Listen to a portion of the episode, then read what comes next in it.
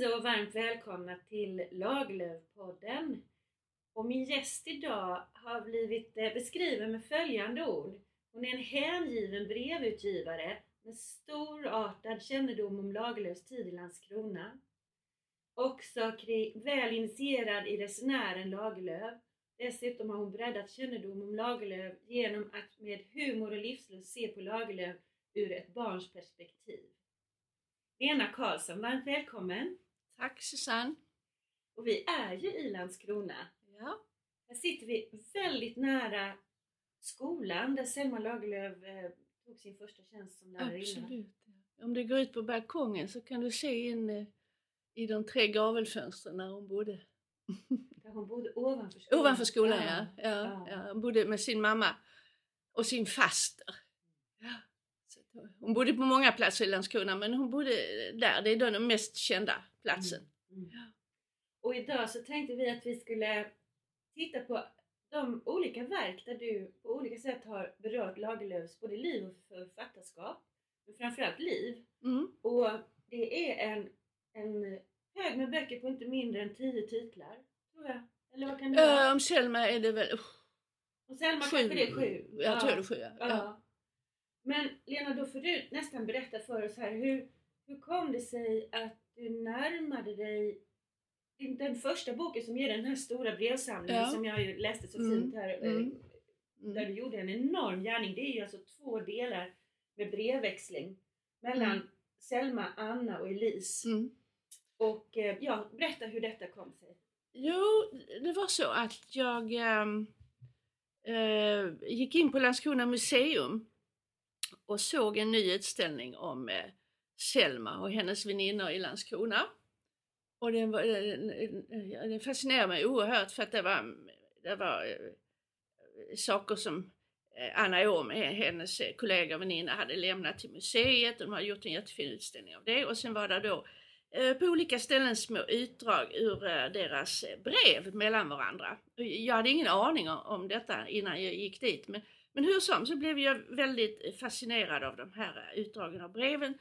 Så efter, efter att jag tittat på den här utställningen så gick jag ner till receptionen och så sa jag att jag gärna ville köpa en katalog eller någonting som fanns om det här. Och det fanns det ingenting.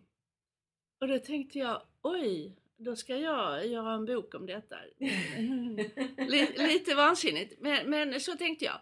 Och så gick jag direkt, för jag hade gjort en bok innan tillsammans med en, en, en, en, en formgivare eh, som, som bor i Landskrona som heter Christer Strandberg. Och då gick jag direkt hem till honom och sa jag, nu vill jag att eh, eh vi gör en, eh, jag vill göra en ny bok om här Selma Lagerlöf och hennes väninnor. Och, och jaha, ja, ja, sa han. Så, ja men följ med mig, följ med mig. Och så titta på museet och så. Och så följde han med mig och han också fascinerad. Sen började det här då att jag åkte först upp till eh, eftersom jag ville ha honom som formgivare för han gör vackra böcker. Jag tänkte jag vill inte göra någonting som inte är vackert. Och eh, så åkte jag upp till Stockholm, KB och hade beställt in eh, brev. Och jag kom och det visade sig det var eh, eh, jag visste inte hur mycket, men det var jättemycket brev. Det visade sig till slut att det var 800 långa brev. Eh, och eh, jag gick dit första dagen med papper penna började skriva av. Och sen insåg jag, sen tog jag nästa tog jag datorn med och sen insåg jag att det här var ju, det går ju inte. Så att jag sen började beställa kopior som kom hem, eh, skickades hem till mig i Landskrona. Sen satt jag och skrev i, i fyra år på det här. Och um, och eh, hade då eh, Christer, formgivaren, som liksom satte de här breven efterhand och så letade vi efter bilder på olika ställen och, eh, och formgav det så här. Så det, till slut så, så blev det färdigt då 2009 första delen och andra delen 2010 för det blir tusen sidor eller nästan tusen sidor. Fick dela det på, ja. på två.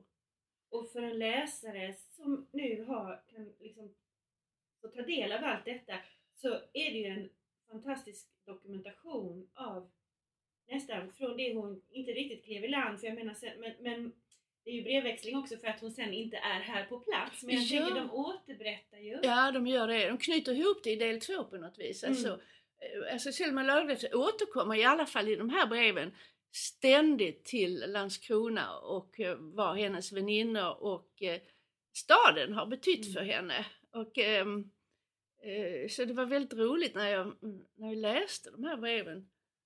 Att, eh, man fick svar på mycket Mm. när de var gamla Mm. på eh, vad de hade gjort, hur mycket det hade betytt för dem. Och så. så det var, eh, det var väldigt spännande och det var väldigt, väldigt roligt att göra det här. Jag satt och höll på och höll på höll på. Mm. Och, och det, det, det jobbiga kom sen när jag gav ut dem på eget förlag. Då började jobbet.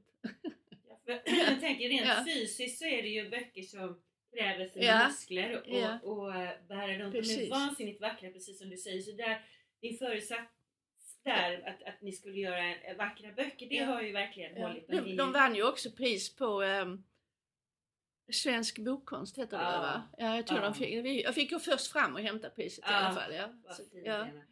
Men du, eh, vad, ska, vad kan man säga om man skulle summera det som... eh, Och så vackraste Värmlandsboken, förlåt. ja, det också. Det är också, ja. Ja, det är klart. De Ja. är så vackra som det är nästan Ja, som, som en tavla. Och på framsidan här, nu har jag del ett framför mig, så ser man de tre ganska unga kvinnorna. Selma Mm. med sin typiska kortklippta frisyr som Mm. ju blev till här. Mm. Och sen så ser vi Anna och sen ser vi Elise. Mm. Och ehm, det är tre ganska olika karaktärer, bara se på ansiktena. Kan du, kan du kort karaktärisera Anna och Elise? Vad var, det för, vad var det för tjejer som hon mötte? Alltså det, det var eh, väldigt intellektuella eh, tjejer kan man väl säga då. Uh, Elise Malmros var nio år äldre än Selma Lagerlöf.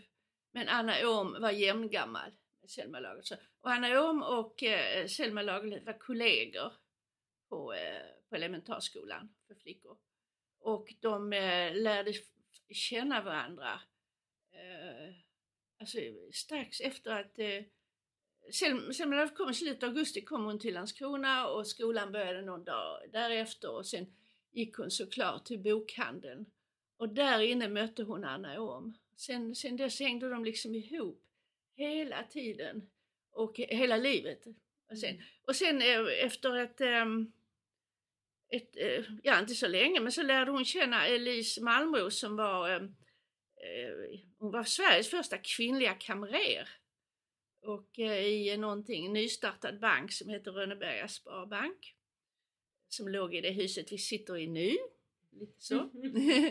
Eh, och ehm, eh, ja, de, de lärde känna varandra. Jag tror att det var att eh, Selma Lagerlöf var känd. Hon kom till på något vis att hon kunde skriva sonetter.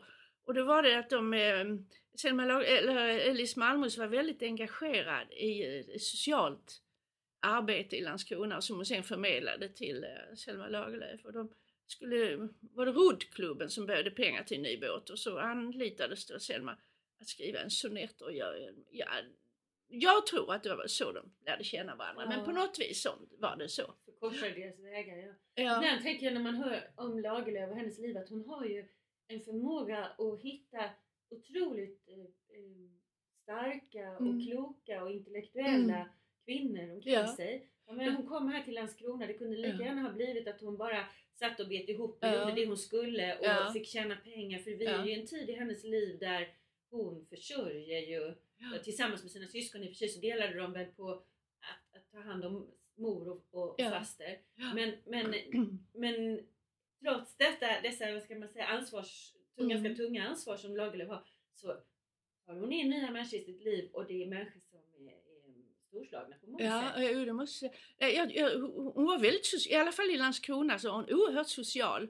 Eh, hur- Det blev väl mindre sen med åren när hon blev känd och sådär, men var väldigt social. Hon var med i, i allt som rörde sig eh, vad det gäller eh, socialt arbete och, eh, eh, framförallt intellektuellt med intellektuella kvinnor som hade en fransk litteraturförening och de hade och gjorde basarer för att samla in pengar till eh, de fattiga och eh, samtidigt som hon satt och skrev på sin kammare Mm. också. Så att, nej, hon var eh, väldigt socialt begåvad måste Mm, jag säga. mm. Ja, så det, Och, jag funderar också på när du pratar om detta sociala eh, engagemang. Det kanske är här hon på något vis ännu tydligare än hemma på Mårbacka ser eh, klasskillnader. I en liten stad så tänker jag att där blir det ju att man, ens vägar korsar varandra.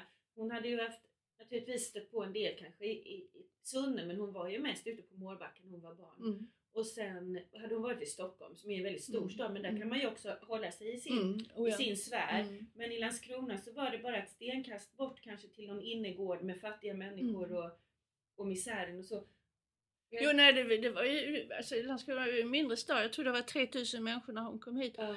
Eh, och det var väldigt tydligt. Och det, det är inte jag som uppfunnit att hon har uh, fått det sociala eh, initiativet här utan det är ju Ulla-Britta Lagerhult som har skrivit om det. Mm. Men, men eh, det är väldigt tydligt när man läser i hennes brev och så hur hon genom Elise eh, Malmros då eh, fick det här intresset och att, och att hon, att, vad jag tycker sen att hon sen använde sig av det här hon lärde sig i Landskrona om att göra det bästa hon kunde för, för de fattiga. Att hon använde det sen, det sen på, när hon har köpt tillbaka Mårbacka att hon där gav sina arbetare bättre betalt och de hade bättre boende Mm. och eh, även om de här grannbönderna klagade lite på henne att de, hon gav för mycket betalt men hon, hon stod på sig att hennes arbetare skulle ha det i alla fall. Och så. Och det, att hennes, den här drömmen som hon och Elise Malmros hade om att eh,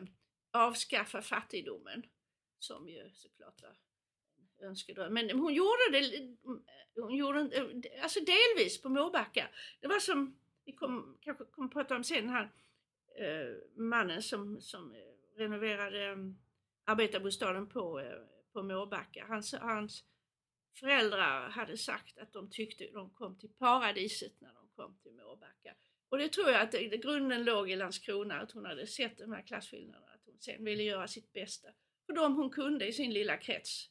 Att det är liksom det här storslagna, att man liksom drar ner det till någonting Till något litet. praktiskt och, och Ja, att man förverkligar det Ja, lilla man kan. ja. Ty- jag är oerhört, oerhört fascinerad av att hon gjorde det. Ja, hon bibehöll ju det också. Ja. Vi pratar nästan 20 år fram i tiden när hon får så att säga, förverkliga det som arbetsgivare Mm. och också ha pengarna att, att kunna... Och sen gjorde hon ju också i litteraturen genom Körkaren Ja, ja, som visst. är ett plagiat av Landskrona liksom hur Ja. det såg ut här. Så, så att eh, nej, hon, det, det var eh, och huruvida hon hade det innan hon kom till Landskrona det kan jag inte uttala mig om men det förstärktes här i alla fall. Ja, det, det kan man säkert eh, Ja, konstatera. Här, här var ju jättemycket fattigdom. Ja. Det var stora fina hus utåt gatan och sen inne på gården, Ruckel, ja, som Davidholm. Ja. Så, Ja. så. Men eh, Lena, om vi ska återvända till relation med Anna så eh, måste den ha berört dig så mycket, Mm. den brevväxlingen. För sen så bygger du ju faktiskt lite längre fram en hel roman. Kan, Ja. du berätta, kan du berätta om den och, och vad det var som Ja, gjorde dig den? äh, ja, ja, just det. Jag... Ähm, Anna hon fascinerade mig. äh, Alltså hon är en en känslomänniska. Och det är väl i och för sig Elise Malmö också, men på ett annat vis. Men hon, äh, hon känns, Elise känns mer moderlig mot, mot, mot Lagerlöf. Men, men äh, Anna om... Det fanns ju en, en, en f- förälskelse, om platonisk helt Mm. säkert. Och, men... ähm, och alldeles särskilt från Selma Lagerlöfs sida från början och, och från, Selma, och från Annas också. Att, eh, men som Anna skriver att eh, tro inte att jag inte begriper mig på kärleken, skriver hon i ett brev. Men eh, det var hon kanske ville ha en annan sorts kärlek än vad Selma ville ha. Och sen finns, eh, och så skriver hon också i, när de är unga att hon, ja, att hon har träffat då, någon liten hattmakare och någon annan, kommer inte ihåg vad det var. Eh, li- precis, kommer jag att tänka på Sofie Elkan som har liksom en sköld med den här eh, belgiske mannen. och sådär, Fröjs, liksom. ja. så, Ja. så att, eh, någonting- men det är klart att det fanns någonting där, eh, absolut, en oerhört Mm. stark känsla Mm. eh, som de hade, som sen eh, blev en fördjupad eh, vänskap som, som höll eh, hela livet Mm. och, eh, och som eh, Selma Lagerlöf ständigt återkom till. Att hon, Ja, Anna som jag minns hon hade ett liknande Ja. öde. För hon kom från en ganska välbärgad familj. Absolut, från början Ja. ja. Tyskar var de, tyskar. eh, på något vis. Alltså, det har varit lite svårt att reda ut men hennes föräldrar var tyskar tror jag.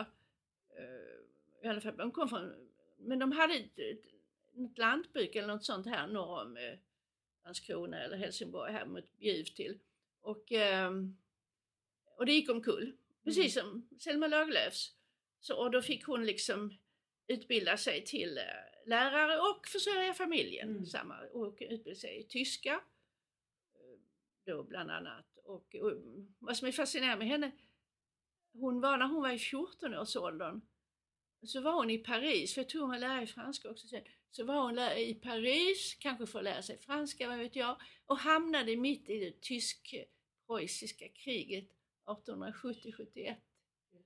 liksom, det är, Och sen sitter hon- Ja, hon kunde inte komma därifrån då, men hon kom ju därifrån så småningom. Men det måste ju ha satt sina spår. Det framkom men det, det framkommer att hon var där, men det, hon pratade så mycket om det. Så, men visst är det fascinerande att hon satt där inom, inne, inne i Paris när tyskarna sköt. Men när du då ska tala om vad den romanen Ja. heter, Jag kan gå i döden för dig, men skriva kan jag Ja, ja det, är ett ut, det, är en, det är en mening som jag tog ur ett brev som Selma skrev till eh, Anna om eh, när hon satt på Rocklunda och skrev färdigt tror jag. Ja. Just det. Ja.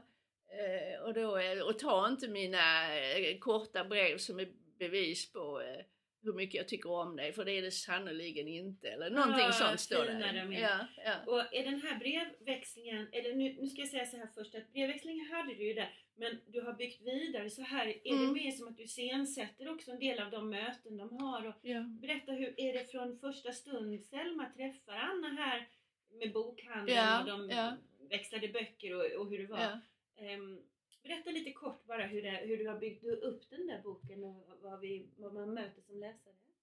Ja, eh, alltså efter de här två, eh, eller de här tjocka brevböckerna på tusen sidor så, ehm, eh, så, så satt ju allt det i huvudet på mig. Och, ehm, och det eh, Jag kommer inte ihåg vilken ordning, men först, jag tror jag skrev barnboken det först. Ja. det. Ja. Jag tänkte, det kan vi lyfta Ja, sen. ja, men det kan vi Ja, ta sen. Men jag vi tror det. ta, Men i alla ja. fall så fortsatte det och, och snurra där i huvudet med allt detta.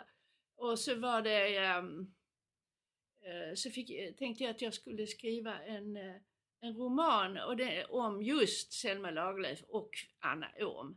För att hon, eh, Anna Åhm fascinerade mig med hennes, eh, hennes begåvning och intelligens och som kunde tillfredsställa Selma Lagerlöf och som liksom ändå var väldigt eh, tillbakadragen på något vis eller sådär och liksom det fanns ingen, eh, var väldigt, eh, det fanns ingen svartsjuka, det fanns inget sånt när Selma sen eh, började träffa, fick andra väninnor eller sådär och så. Men, men eh, ja, jag byggde upp den genom, alltså, all, allting bygger ju på de här breven och sen har jag ju såklart fantiserat ihop eh, det, dialogerna som jag tänker. Det är ju, jag, jag säger ju att det är en roman, man skyller ju på det när man kan hitta på. lite grann. ja. Ja. Men det är, en, det är en väldigt levande... Allting är sant utom Ja. att om de, vad de säger till varandra. Jag är ju tvungen för att få det lite levande och sådär och så. Så att det är, eh, allting är sant som står där mer än att jag, jag kanske hittar Ja, på men du illustrerar det och du ser Ja. du gestaltar det så skulle vi Ja precis, gestaltar. Så att jag liksom att hon, när hon kommer in och, eh, i sitt första rum där hos von Dyben och att eh, väggarna är bruna och sätter sig på sängen, det har jag ju klart hittat på. Men, men, men eh, hon kom ju dit och hon bodde där och jag vet allting. Så, så det är liksom...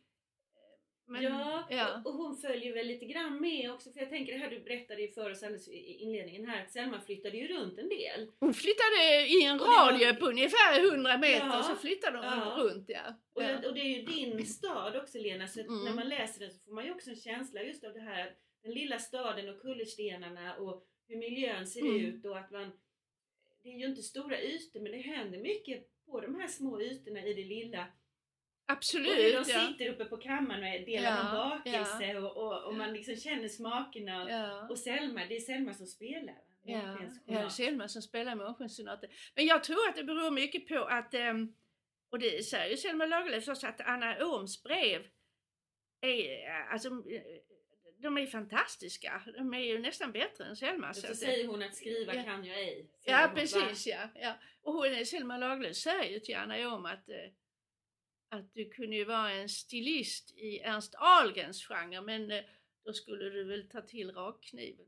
Alltså de har, de Ja, har, de det- har humor också. Så att hon skriver eh, vä- väldigt bra. Så det var liksom en njutning att läsa. Det var, aldrig tråkigt någon gång. Nej, För då nej. tror jag inte att man hade kunnat hålla på. Det var liksom inte alls tråkigt. Utan det var, så det var liksom det här, man fick deras eh, liv. eh, Ja, det, det, så det var rätt, och med lite fantasi så var det ju liksom kul att eh, tänka sig in i deras förhållande, hur de hade det och så. Och sen är det som du säger att jag känner ju till eh, Landskrona väldigt väl. Jag, jag, det- Ja, och jag tänkte det, blir ju lite smådramer också för det är någon annan tjej här som gärna vill så att Ja, säga, ta Selma som ja, sin bästis. ja, det kan man känna igen som, som tjej tycker Ja. jag det här att man har ja, eh, det är svårt att vara tre och så. ja. Men Selma hon balanserar redan Ja. tidigt i detta i triangeldramer. Det är något som återkommer i hennes ja, Men visst duktig. är det så att det är någon, någon tjej här som Mm. försöker knuffa undan. Anna på något sätt och så. Ja. Jo, nej, hon, är, hon är väldigt bra på det. Och, och, eh, men hon lyckas inte ta sig in. Hon gifter sig till slut så hon försvinner ut ur Ur bilden. bilden ja. ja. Mm. De är ändå en... Ja, men, ja, men hon ligger på där. Ja, det gör hon. Ja. Men Lena, det, det är så, det här är ju verkligen en liten pärla. Och, och när vi ja. pratar om den så känner jag också att det här skulle man vilja ha som en film. Jag tänker att det här Ja. skulle jag vilja göra liksom Ja. en, en, en Gör det. film om. Gör- Ja, ja, jag gör tar på det. mig det. Ja. Jag tar på mig det. Ja, gör det. Ja, det är jätteroligt. Tack snälla ja. du. Ja. Men nu ska vi se, för du hann säga det själv alldeles nyss att nu sitter jag och bläddrar Ja. bland böckerna Ja. bara för att tala om för de som lyssnar. Och ur detta med Lagerlöfs tid som lärarinna som ju naturligtvis också syns när de berättar tillbaka i sin brevväxling då, Ja. bland annat Anna och Mm. Selma, så kommer den här lilla eh, fina boken också. Fröken Selma, när Selma Lagerlöf var skolfröken i Landskrona. Mm. Eh, jag berättar, och för detta med att ha ett tilltal till barn, det har, Ja. det har du haft i dig?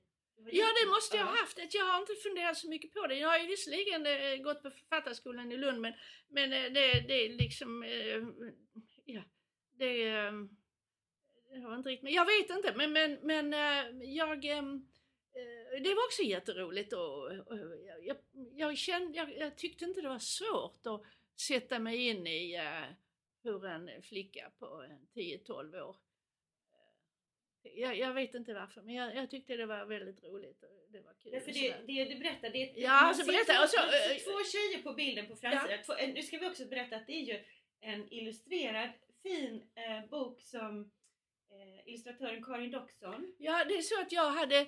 Jag, jag satt och skrev på det. Först så skrev jag den liksom i, eh, i en berättelse. Och sen så skrev jag på annat vis. Och sen så kom jag på det här. Jag vet inte, jag tror det var en- någon väninna till mig som sa att du inte skriver ur ett barns perspektiv. Och då började jag skriva om. och så började, och då, då blev det liksom riktigt roligt då. Och sen så tog jag kontakt med en eh, gammal skolkompis till mig som jag visste var illustratör som heter Karin Doxon. Och, eh, och skickade något eh, kapitel till henne och frågade om hon kunde illustrera det här för jag. Jo, och det kunde hon och, då, eh, och, det, och det blev ju jättebra. Så det, var, det var också kul. Jag skickade ett kapitel till henne och så skickade jag tillbaka en bild. Det var väldigt roligt. Annars är man ju rätt ensam när man håller på med det här. Men Ja. det var väldigt kul med det. Jag fick den bilden och skrev någonting och så tolkade hon den. Och sen så har jag lagt till, eh, det här sociala jag lagt till så har jag då tänkt på vad min mormor berättade om hur det var. Hon, Det är ju, du har ju en, en så att säga en, en trovärdig källa.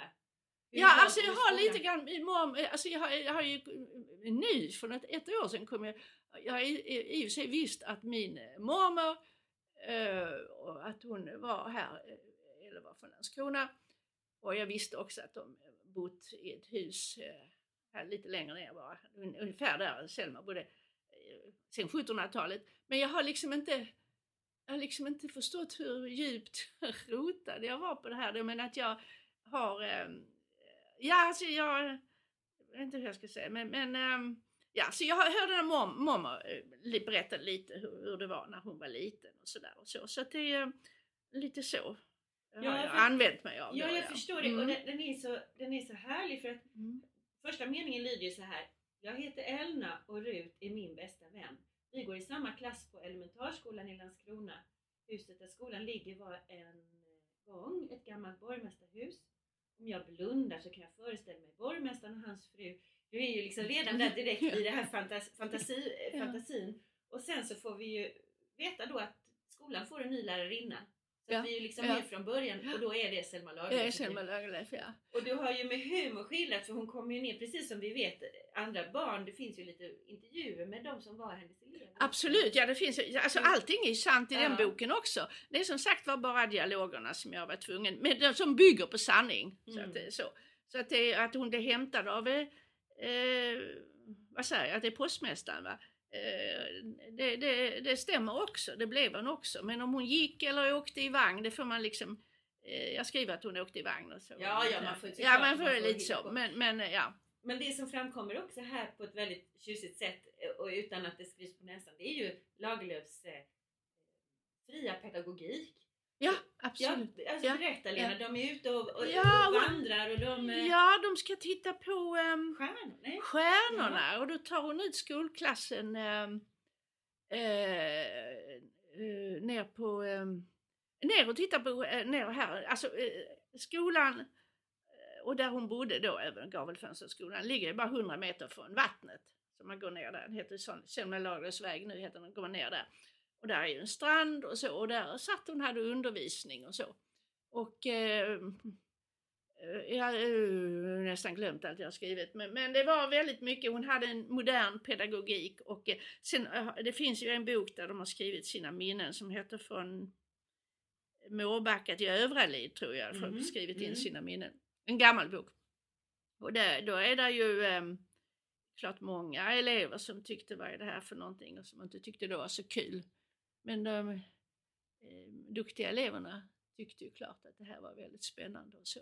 De Hon var lite det. modig och gick lite Ja, hon var lite modig och så. Jag har försökt att skildra det i den här boken Ja. också, att det var någon som håller på att somna och sådär när de berättade om Men så lite Ja, så, så ja, ju, Men det ligger, by- bygger ju på att det, någonstans har jag läst det här. ja, liksom, hur, hur hon ändå var som lärarinna. Och, Ja. och, eh, lite disträ kanske Ja, för- liksom och fattades en knapp och Ja. fållen hängde ner och Ja, för ja. på nätterna var det ju ändå så att hon satt uppe på, Hon satt och skrev. på Gösta Berlings saga. Så hon var liksom i två världar. Hon var både här och det är fascinerande att veta det då att hur aktiv hon var också.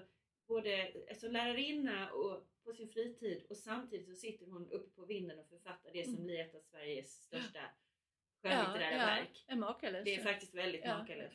Jag kan är- ibland, eh, jag kan ibland eh, titta över här ut genom balkongen, titta in i fönstren och tänka, ja, där satt hon och skrev det här mästerverket. Ja. Ja. Vilket är fascinerande. Ja, det är verkligen otroligt. Mm.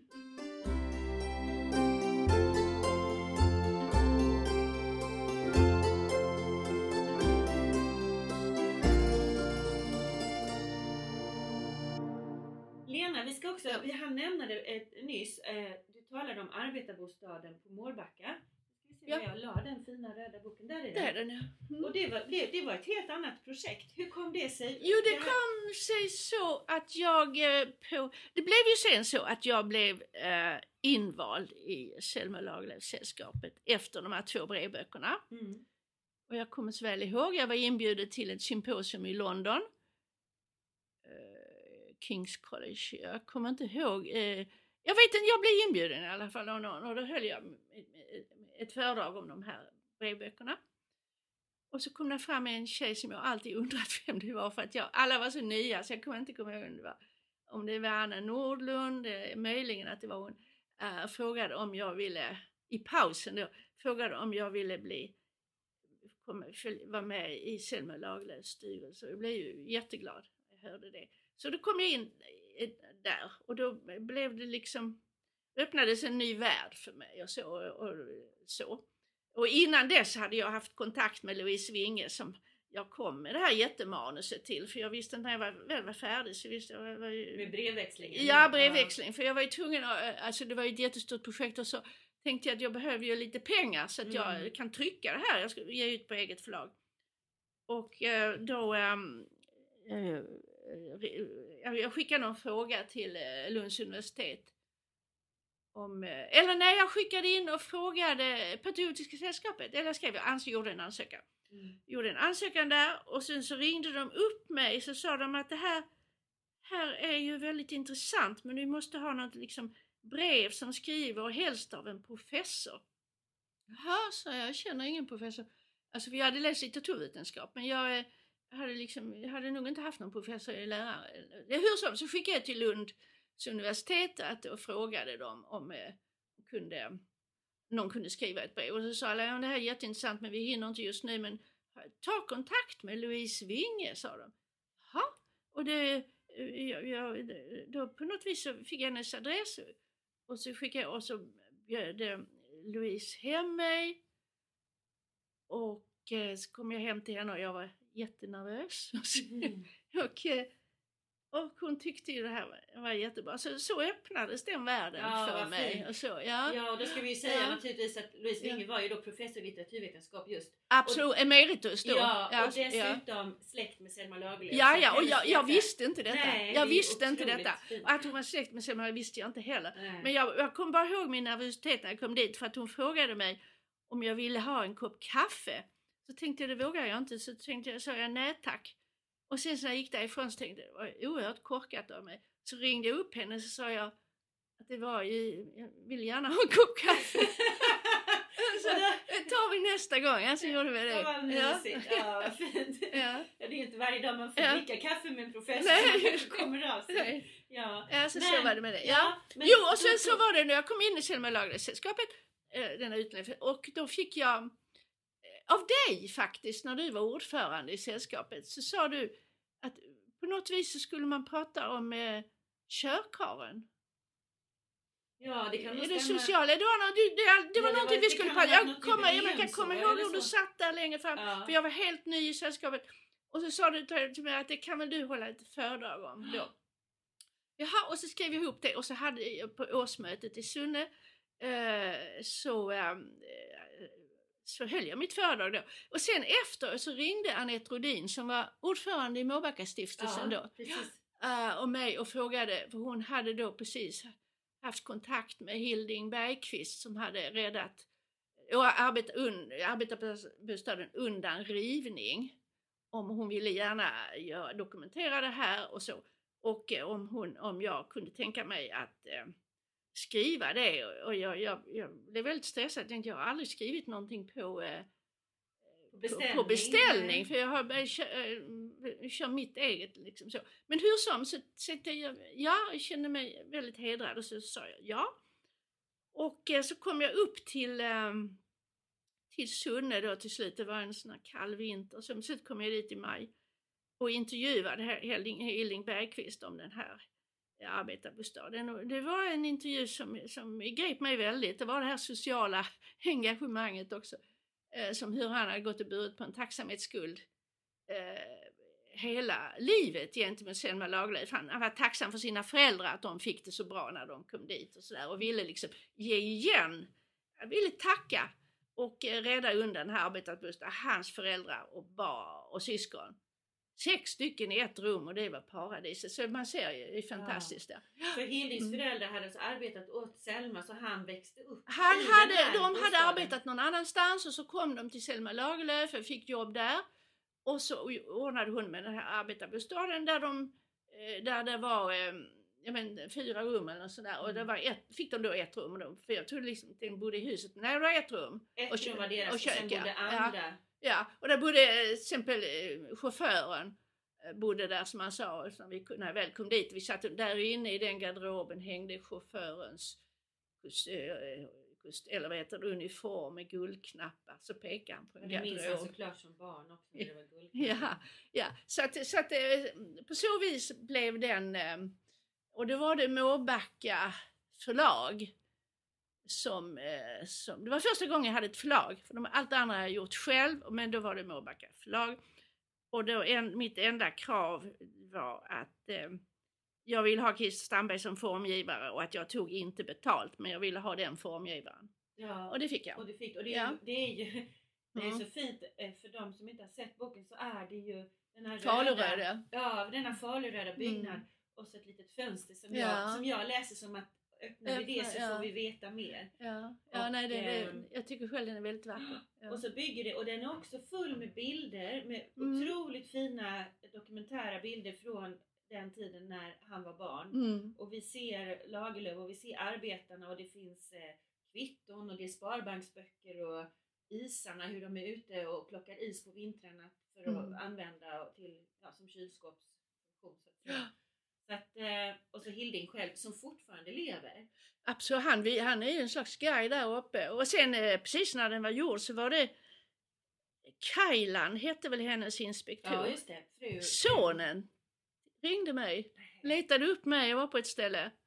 Ringde mig och, och liksom var också entusiastisk över det för att liksom eh, han var ju väldigt närvarande, alltså hans far då tror jag det var, eh, i, i det här i, i jordbruket då liksom. Ja. Så att det, det är mycket sånt roligt som händer också, att folk tar kontakt med en och, och vill liksom prata om sina Minnen. minnen och ja. sånt. Ja, det kommer jag så väl ihåg för jag stod på ett jättekonstigt ställe och, och han lyckades få tag på mig. Och det var inte på min mobil utan det var på något annat. Ja, Oj. ja, ja. Han gjorde riktig research. Ja. Men, men också det, detta är att hon hade ganska många anställda. Så, Jo, hon hade 14 familjer som Ja. hon försörjde. ja. För allting gick ju... Hon, hon berättade aldrig det gick väl med förlust alltihopa men hennes författar eh, eh, täckte ju förlusterna.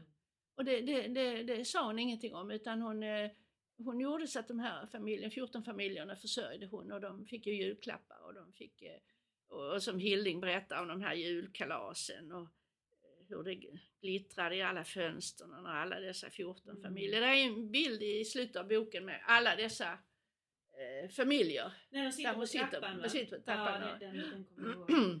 Men det är fantastiska är ju att arbetarbostaden är ju öppen nu för tiden Ja. så man kan gå och titta på när man Och är nere eh, när, Vårbacka. precis, när jag var där då så var den inte inredd men det skulle den bli och den Ja, har det den ju den. blivit. Den har blivit ja. Oh, ja. Och då var det eh, är fantastiskt. Det är också Hilding som har samlat ihop allt det här eh, så att det blev ungefär som det var eh, på den tiden. Ja, man mindes vad det var för Ja. möbler och Ja, detaljer ja. i, i eh, Och Selma Lagerlöfs gungstol som han, hans mamma hade fått och eh, köttkvarnen och jag vet en inte. massa, allt. massa, Massa sånt, ja, ja, fantastiskt. ja.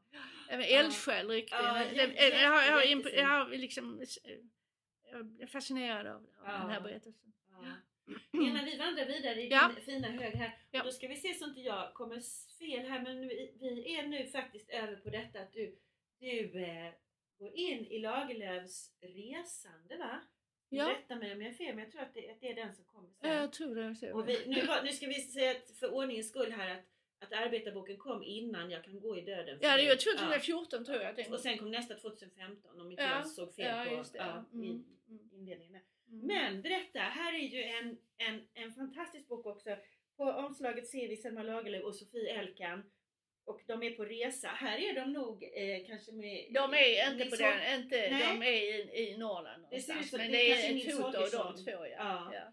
Men eh, reste gjorde de för det är nog Ja, ja, ja, ja, det är det det handlar om. Ja. Ja. Men berätta, Jag ska det berätta. Det, det var så att eh, som, som jag har sagt så var jag med i Selma Lagerlöfs styrelse och så var det årsmöte i Sunne, jag kommer inte ihåg vilket år, 2013 tror jag det var. Och, eh, och så kom jag eftersom det i, i um, kulturvecka också så kom någon där tidigare. än Och så eh, och, jag, jag cyklade omkring där och tittade på allt möjligt. Och så gick jag in på biblioteket och ehm, och längst in där så var det en liten utställning med Xerox-kopior av hennes eh, vykort från eh, Orientresan. Och då, åh, jag blev också jätte jättefascinerad av detta och så. Och sen så ehm, eh, någon dag senare kom eh, Anneli, min eh, också från, eh, från Landskrona också, som satt med i Anneli, eh, Oxenstierna. Ja. Mm. ja, eh, som satt eh, i, eh, i styrelsen då också. Så sa jag, du må- måste, måste komma och titta på detta. Så titta på det och så sa jag att eh, här skulle vara kul, jag skulle vilja göra en bok om de här vykorten. Oh, sa hon, jag har alltid velat göra en utställning om Selmas resa till Italien. Ja, så var vi överens. Och sen började det hela då och så um, åkte vi upp till Mårbacka lite senare och skulle titta på vykorten. Och så när vi sitter där så kommer Herta Hedlund som har varit intendent på Mårbacka en gång och lägger framför oss två album med fotografier som Selma och eh, eh Sofie Elkan hade tagit under sina resor. Och då blev det liksom, oj, då ändrades liksom vår kurs helt. Vi måste göra en fotobok. Och sen, Ja. ja, och sen så eh, jobbade vi med det här. Sa- eh, Anneli gjorde en jättefin utställning i Landskrona med resorna. Och jag tror att den kom till Mårbacka något år senare. Och eh, jag gjorde den här boken. Med, och vi hade med eh, vykort också, men framförallt fotona. Och så satt jag liksom i, i något år och försökte genom alla vykort så kunde jag följa liksom, vykorten blev liksom som en dagbok. Och de reste och hon skickade hem till sin mamma de här vykorten. Och då blev det liksom som en dagbok, och man kunde följa dem och satt och läste då vad det stod och försökte eh, satte in det i någon kronologisk ordning och sådär. Och så, och så med fotona också. Och jag eh, eh, använde mig av samma formgivare och så. För att det. Men då hade jag ett förlag. Bakom dig ja. Ja, för då kände jag att uh, ja, jag måste ha. Och det var Votum. Och, men jag ville som sagt ha samma formgivare som jag hade haft innan. Så då gjorde vi det och eh, det blev också vackert.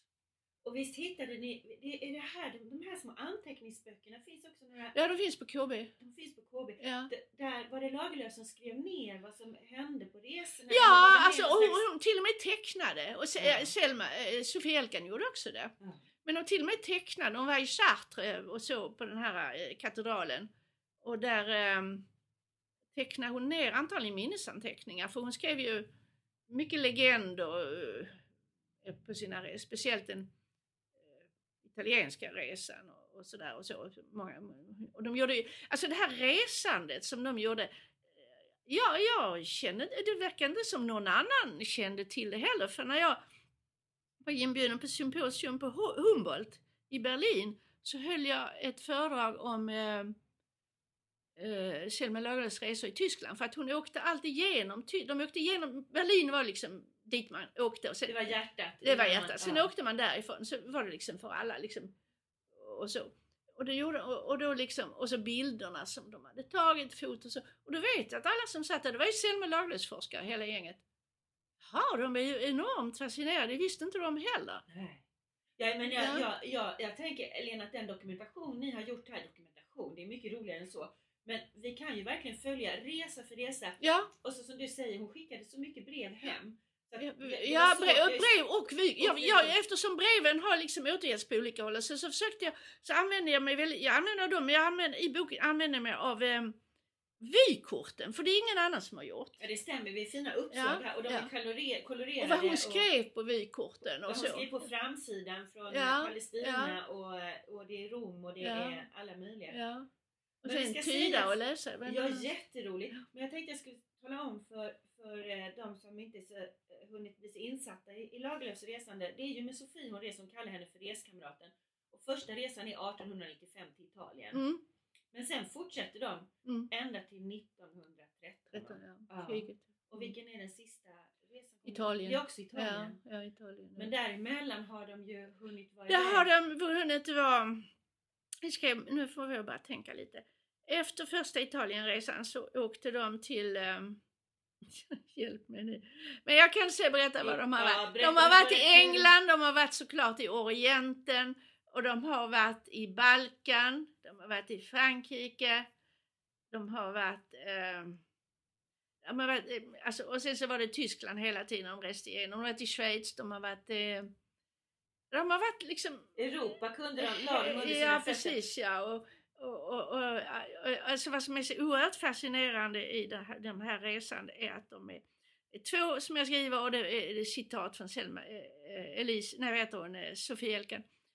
Två ensamma må- Hon skriver i ett brev, vi må betänka att vi är två ensamma fruntimmer. Och det är precis vad de var. De ger sig ut totalt orädda och eh, försedda med allt möjligt. eh, Men det är så roligt, jag minns någon, någon lista du har på på Ja, vad de ska ta ja. med sig. Det är myggnät och det Ja. är olika medikament. diarrépulver och allt, allt, Allt allt. har de med sig. ja, allt är med, allt är med. Hur var rollerna där eh, Lena? Var, det, var de lika drivande eller var det någon som tog lite, nu måste vi fixa det här och beställde biljetter och Ja. gjorde listor? Ja, det var och- ju Sofie Elkan såklart. Hon, så- var ju, ja. hon skriver själv ett väldigt modernt uttryck, för jag tänker ibland det är liksom missuppfattas kanske, jag skrivit, men hon skriver i ett brev Jag har hängt på vägarna sedan jag var 19 år och det är ett citat ur hennes Ja, brev. hängt på Jag väg. har Det är hängt, ja. Jag, hängt, ja. jag tänkte, åh kan jag skriva det? Men, men Ja. det har jag hängt på vägen sedan 19 år. Och det har hon också. Hon kände till allting. Och, och, och i de första resorna, den allra första resan och en resa till tror jag betalade hon också för Selma Lagerlöf innan det blev liksom jämlikt. Men sen så, så, så, så ändrades vågskålen lite grann när Selma blev så känd så de senaste resorna blev hon lite igenkänd. Ja. Och det tyckte inte Sel- äh, Se- Sofie riktigt om för Nej. det störde. Hon fick inte ha Selma i fred lite Nej. grann. Och, och på någon resa där på slutet om de var i Frankrike att de, eh, det var någon fin automobil som lånades ut till dem och de fick fara runt för att hon blev eh, Den där hon var inte längre inkognito. Ja, jag kan tänka att den där friheten som de kände att de var Ja, två Okända. som inte okända, det ger ju också Mm. en, en eh, mental frihet. Mm. Har du plötsligt det här kändisskapet att Ja. förhålla dig till också så Mm. Så, ja, nej, det, det, det, det blev lite så. kanske. så att, men, Ja. men sen kom ju, kom ju kriget och så blev det slut på det. ja. Och Och sen- överhuvudtaget slut på resandet för Selma. Sen, sen dog ju Sofie Elkan 21 och, Mm. och sen tog det slut. Ja, hon åkte ner till Landskrona. ja, det gjorde hon. Och, äh, Köpenhamn, Ja, ja. Men, men, men inte, det var hit. Framförallt Landskrona kom hon ofta till faktiskt och hälsade på sina väninnor. Ja. Och sen fick hon den här väninnan eh, på eh, Cojet. Här i Skåne också ja. Ja, i Skåne ja. På, Mm. Eh, så, och när hon var där så kom hon hit och när hon skulle, hon kom, passerade alltid Landskrona så fort hon kunde. Och eh, bodde över. Mm. Och, eh, och så. Så det, eh, det är också roligt att se hur hon höll det här.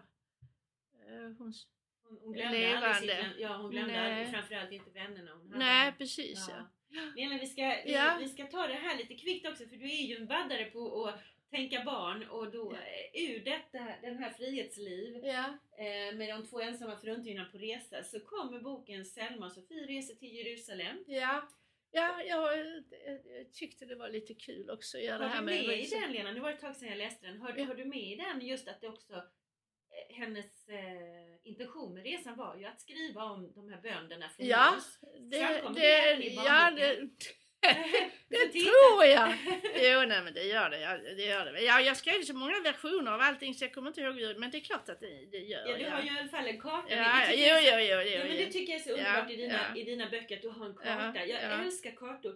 Och när det inte finns kartor så blir jag helt tokig och måste ha, liksom, Mm. hitta en själv. Ja, precis. Ja, nej, det, det, det, det står här i början. Och, och sen har jag också försökt att liksom ursäkta mig att eh, som författare får man lov att fantisera och hitta på. Och det gör jag när jag låtsas att Selma skriver brev till sin gamla skolklass i Landskrona och att fröken Anna om Selmas vän lärarinna lovat att läsa upp breven. Ja, och sen, sen, är det ju brev, sen är det brev som hon skickar hem från sin resa och där står ju att hon ska eh, och då är det en, eh, att hon ska skriva den här boken eh, eh, och att hur de delar upp det och sådär. Och sen är det då Karin Doxen som har illustrerat den här Ja. också. Ja. Och, Ja, och lagt in foto. Ja och på framsidan Ja. är det en underbar bild hur de sitter de här två damerna med lite chaletter knutna Ja. och så på varsin kamel och nästan vaggar fram Ja, i öknen precis, som ja, två visst, ja. Visst är det fascinerande att de sitter där på en kamel i öknen. Ja och så ser vi Ja. eh, pyramiderna och palmerna i Ja, bakgrunden. ja, Ja, den, den är ljuvlig, man ler när man ser den. Mm. Eh, Lena, nu är det ju så Mm. att eh, du, du det kommer ju saker emellan här. Man kan inte bara sitta hemma och skriva böcker. För jag menar, när vi summerar här så har du gjort fantastiska saker. Men nu berättade du för mig också att du har eh, en ny idé här. Lite grann eh, en essäbok. Ja, alltså jag, jag, jag vet inte om jag har tömt ut eh, förrådet Selma Lagerlöf i huvudet men det, släpper mig inte riktigt så att jag eh, satt och, och samlade ihop eh, olika föredrag och uppsatser och, och, sånt. Eh, ihop det. Jag fick en idé, jag hade läst några andra essäböcker och så, av, av kända författare och så, så jag tänkte det var en rolig idé som också har samlat ihop och så. Och sen så har jag då eh, eh, när jag väl gjorde detta så har jag fortsatt lite sådär i två, tre nya eh, essäer som, som bygger på liksom alldeles ny närtid. Bland annat när jag var eh, inbjuden till eh, Lillehammer för att prata om, om den här fotoboken. Och man skulle jämföra Se- Selma Lagerlöf, Karin Blixen och Sigrid Undset. Det har Mm. jag skrivit något litet om. Och sen har jag skrivit om eh, min egen, mina egna, alltså när jag höll på med fotoboken så var det ju väldigt mycket, men där har jag ju också varit och det har, det har jag också gjort och så, eller så liksom, och igenkänning och så.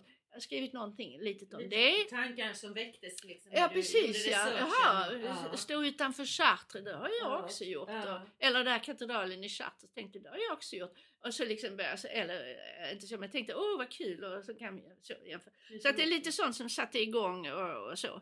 Så att, eh, och i Venedig och sådana grejer. Så, så att, eh, De reflektioner som följer på lite Ja, grann ditt ja. arbete. när man läser något, arbete. precis som man höll på med Landskrona, man känner igen och, och så. så att, Ja. Vi får se vad det blir av det, men jag har Ja. lämnat in det till något förlag eh, och de skulle ta det och eh, eh, får vi se hur det blir. Ja, om, ja, om, om det- ett år tror jag de skulle. Det Ja. är så segt. Men det som måste ha gett eh, ringa på vattnet för dig det är ju också att du faktiskt har varit runt och hållit mycket föredrag. Ja, Så det kommer ja. man med sådana här ja. ja. eh, fina verk och har hittat, du har ju också hittat, det är det magiska lite grann med Lagerlöf, att det går ju på något vis att hitta nya områden ja. som är fantastiska.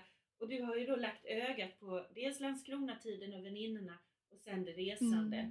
Och, och, ehm, Ja, nej, det, det har liksom kommit till mig på Mm. något vis. Men eh, nu, eh, nu har det inte det. Nu. Men nu kom det det här andra, Ja. liksom. Tänkte jag samla ihop det lite och så det här andra. Så, så, ja, så får vi se. Ja. Ja, nej, jag har haft en himla tur med det att det bara plötsligt kommit en idé i huvudet. Oj, liksom. Så, Ja, du har varit på en plats men du har ju också förmågan att se. Ja, Du det ser måste... en del, liten del av ett material och så ser du Ja, det stora som ja, detta kan, kan Ja, bli. ja. Tack Lena, vi ska Ja, stanna tack där. själv Susanne. Tack. tack.